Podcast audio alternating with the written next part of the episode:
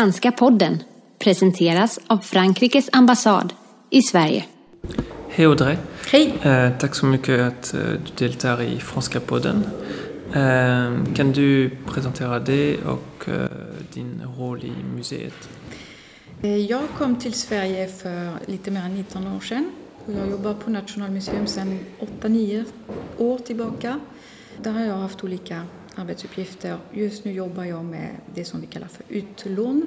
Det betyder att jag administrerar alla lån av konstverk till andra museer för deras eh, tillfälliga utställningar runt om i världen.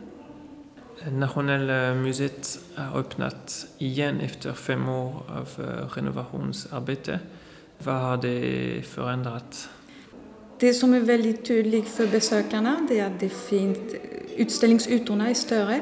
Vi kan ställa ut många fler verk än förut för att vi har tagit bort alla kontor som fanns här förut. Så vi har vunnit i yta och det som är väldigt synligt också det är att det finns olika färger på väggarna i olika salar.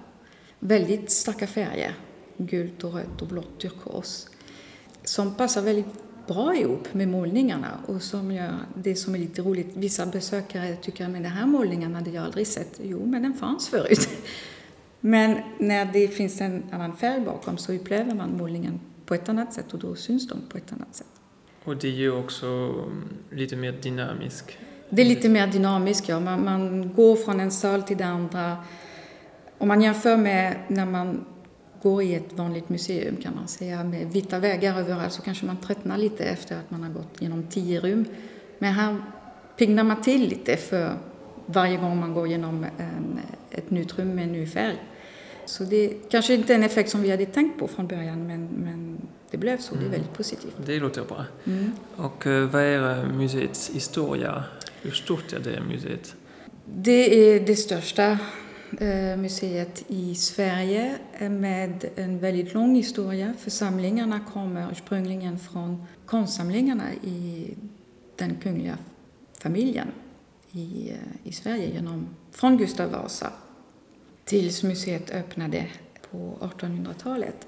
Så det, det är de där konstverken som är grunden till eh, samlingarna och sen så har man köpt konstverk genom åren och det fortsätter vi också. Vi har köpt väldigt många konstverk på sistone för att komplettera vissa delar som vi tycker är, är lite bristfälliga. Många fler kvinnliga konstnärer till exempel. Eller konst går i mode också och under vissa perioder så tycker man att en viss konst inte är så intressant att så kan man uppvärdera det igen och tycka men det här är viktigt, vi måste ju komplettera och köpa lite mer av det här för att det ska bli mer representativt på något sätt.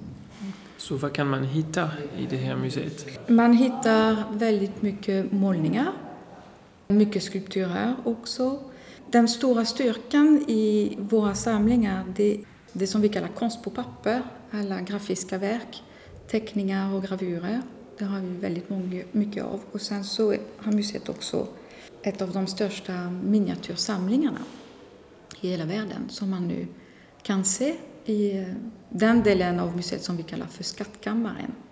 Och eh, vad är relationerna med Frankrike? Finns det någon utbyte med museer i Frankrike?